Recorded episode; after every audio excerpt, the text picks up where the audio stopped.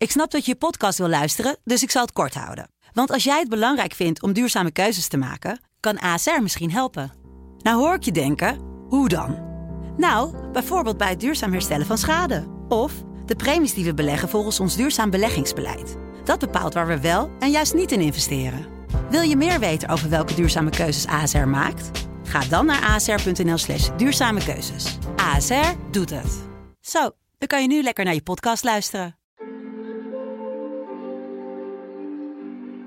Coronajaar 2020 lag overhoop.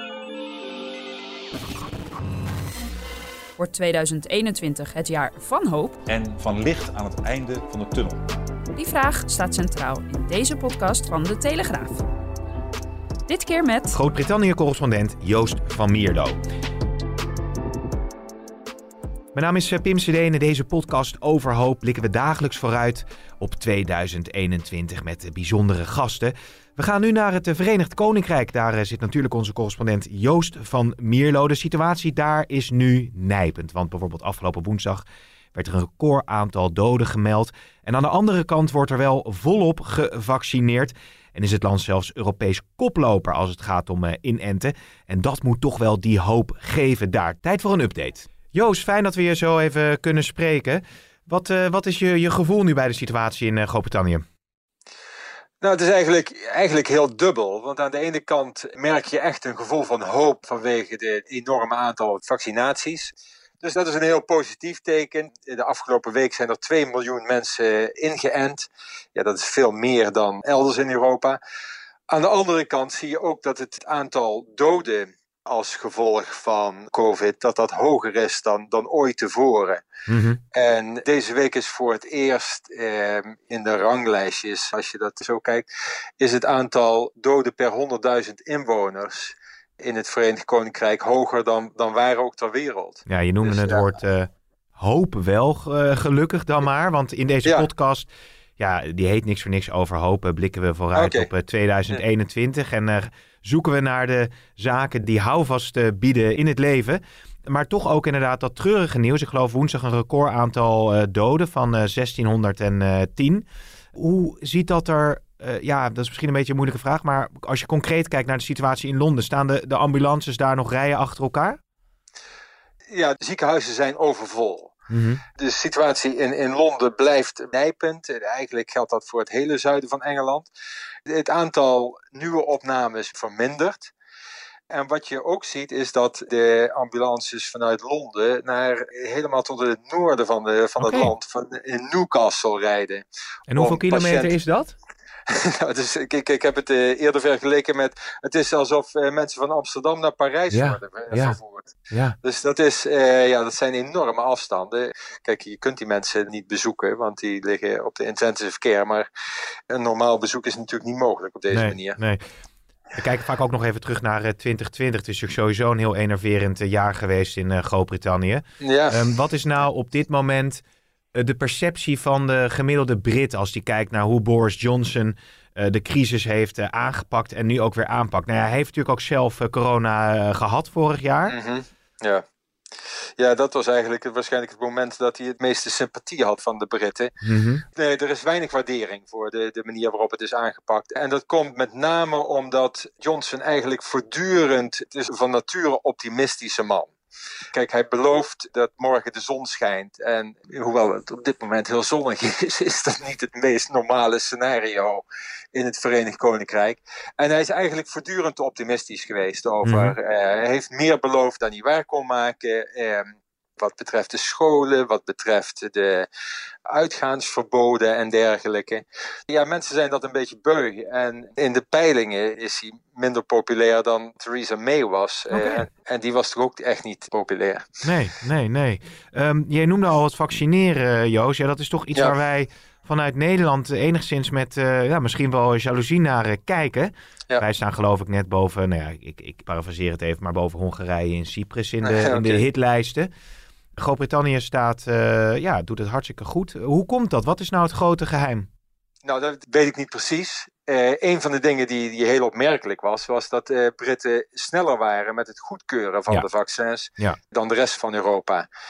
Zelf weten ze dat aan het feit dat ze dat onafhankelijk konden doen vanwege Brexit. Maar daar heeft het helemaal niks mee te maken, want Engeland of het Verenigd Koninkrijk had al de bevoegdheid om dat op eigen houtje te doen. Ja. Waarom dat ze dat sneller hebben gedaan, is niet precies duidelijk. Het feit is dat ze daar sneller mee waren. Dus zowel het Pfizer-vaccin wat nou ook in Nederland is goedgekeurd of in de EU is goedgekeurd, als aan de Universiteit van Oxford uh, ontwikkeld vaccins, worden hier gewoon massaal gebruikt. Het enige probleem is, de enige beperking is, is het aanbod zelf. Het aantal vaccinaties is vrij hoog. Afgelopen week zeggen ze dat er uh, eh, 2 miljoen mensen zijn ingeënt. Ja, precies. Ik sprak laatst ook met Marcel Levy, een Nederlandse arts die natuurlijk in Groot-Brittannië meerdere ziekenhuizen onder zijn hoede heeft in, uh, rond Londen. Die schetst een beetje het beeld van ja, wij hebben hier de can-do mentaliteit. En in Nederland uh, wordt er altijd maar gesteggeld over hoe het dan precies moet. Nou, we zijn nu, moet ik zeggen, wel op gang gekomen. Dat was met name ook vorige maand. Maar is dat ook wel uh, hoe dat gaat daar? Gewoon zo snel mogelijk overal de prik erin? Ja, ook hier hadden ze aanloopproblemen, want het vaccin werd goedgekeurd begin december. Mhm. En eigenlijk, eh, eigenlijk is er deze week pas echt sprake van injecties op de schaal die ze hoopten al voor, al voor de kerst te bereiken. Maar ja, los daarvan, ik, ik was zelf eh, was ik, eh, deze week in Salisbury Cathedral. Het is een prachtige, een prachtige kathedraal die nu als een soort van noodhospitaal dienst doet. En ja, dan merk je, dan zie je gewoon, op één dag worden meer dan duizend mensen op die plek ingeënt. Het gaat gewoon in een, in een heel gestaag tempo. Zonder dat er het gevoel is van, hé, hey, mensen worden opgejaagd. Dat kun je ook nauwelijks met mensen die meestal eh, diep in de tachtig zijn. Die lopen nu eenmaal niet zo hard. Maar het gaat uh, ja, met een, in een heel gestaag tempo. Er worden enorme hoeveelheden mensen ingeënt. Maar dat moet wel een, eh, een, een fascinerend geheel zijn geweest om dat mee te maken daar. Ja, dat was mooi om te zien. Ook de mensen zelf waren onder de indruk van de orgelmuziek daar en zo.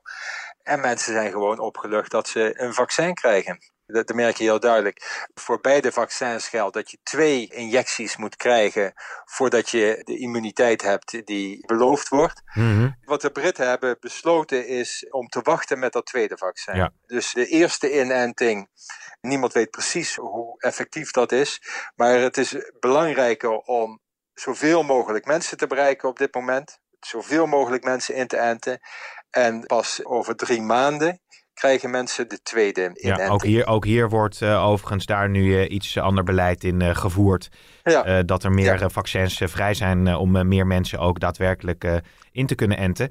Overigens over die Britse variant, Joost. Dat is natuurlijk wat hier het grote doembeeld is. Hè? De, de vluchten van Groot-Brittannië naar Nederland ja, de inkomende vluchten die worden ook geschrapt. Hoe kijken ze daar eigenlijk naar van, vanuit Engeland?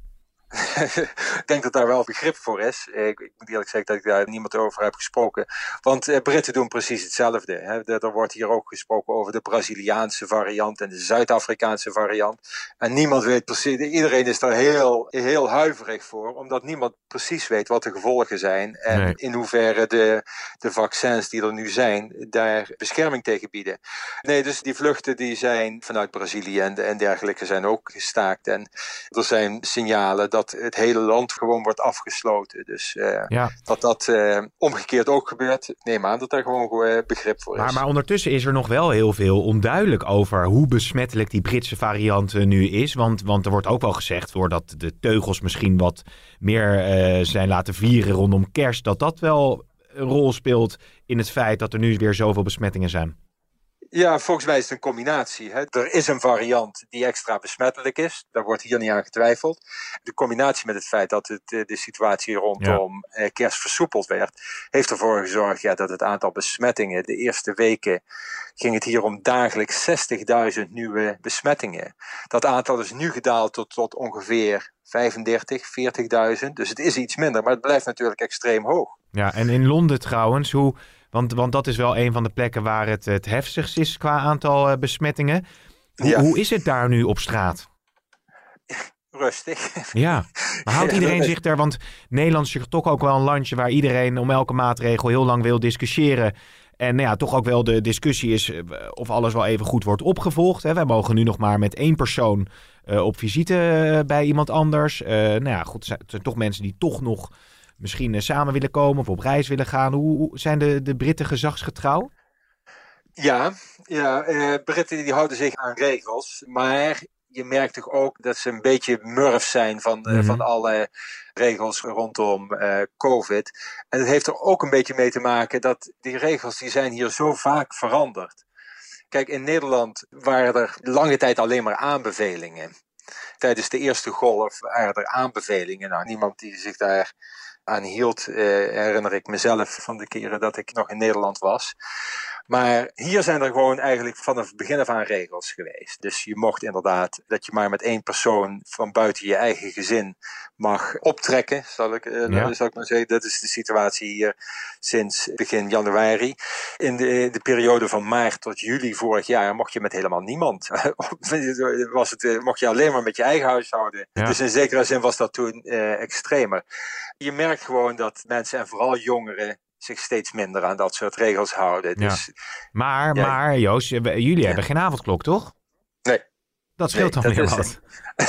ja, naar wie moet je dan toe? Ja, precies. Kijk, het is hier een uur, echt een uur eerder donker dan in Nederland. De dagen beginnen gelukkig weer een beetje te lengen. Maar in december is het om vier uur donker. Ja. En dat merk je, dat is er echt ook geen kip meer op straat. Van tevoren waren er nog in parken, merk je wel dat mensen nog steeds aan het rondlopen zijn. Zeker ook in Londen. Maar nadat het donker is, is nee, er eigenlijk nee. een, uh, er is een impliciete uh, avondklok uh, in zekere zin. Ja, en Boris Johnson is natuurlijk wel een man die ja, misschien wel van de vergezicht of het volk wil meenemen in allerlei ja. mooie, met allerlei mooie beeldspraak. Maar wat, wat is nou de lijn van Johnson als het gaat over het vaccineren en wanneer Groot-Brittannië uit de crisis komt? Is daar een soort routekaart? Nou, er is een soort van routekaart. De beperkingen van dit moment die, die gelden in ieder geval tot half februari. Mm -hmm. Vanwege het grote aantal doden, coronadoden, merk je dat de regering de afgelopen week bewust een veel somberder beeld aan het schetsen is. He, dat het uitgaansverbod, dat zou wel eens tot aan mei kunnen ja, ja. gelden. Mensen die uh, nu al aan hun zomervakantie denken, moeten die gewoon uit hun hoofd uh, halen. Dat wordt ook gezegd. Uh, ja, ja. ja. dat soort dingen worden gezegd. Ook, ook Johnson zal tegen zijn natuur ingaan, maar probeert mensen duidelijk te maken van hé, hey, we zijn massaal aan het vaccineren, maar de situatie is nog altijd heel ernstig. Ja, maar wat is, uh, want, want we hebben het er hier over dat uh, zo rond de herfst het uh, idee is dat, dat, dat iedereen gevaccineerd is. Het is natuurlijk een, een, land met veel meer inwoners, maar wat is daar een beetje het, het, het voorland? Daar wordt ook dat iedereen eh, inderdaad rond augustus, september gevaccineerd zou zijn. Kijk, het is de bedoeling dat voor half februari iedereen van boven de 70 is gevaccineerd. Hmm. Ik moet mijn leeftijd niet, niet verklappen, maar eh, ik zal toch zeggen dat ik boven de 50 ben. Ja. En het is de verwachting dat ik voor eind maart een vaccin krijg. Ja, en zo zien we allemaal dat... correspondenten die gewoon worden ingeënt. We zagen Ralf Dekkers volgens mij gisteren al in Israël, oh, okay. die ook al een spuitje heeft gekregen. Ja. Ja, Israël is inderdaad nog verder hè, dan het Verenigd Koninkrijk. Ja. ja. ik moet eerlijk zeggen, dus de, de, de, boven 50 eind maart en waarom het dan tot september duurt voordat iedereen gevaccineerd is, dat, dat is mij een raadsel. Maar goed, dat is het huidige beeld. Ja, al met al, uh, nou ja, deze podcast heet uh, Over Hoop. Maar ja, het is op dit moment nog uh, vooral ja, berusting meer, denk ik hè?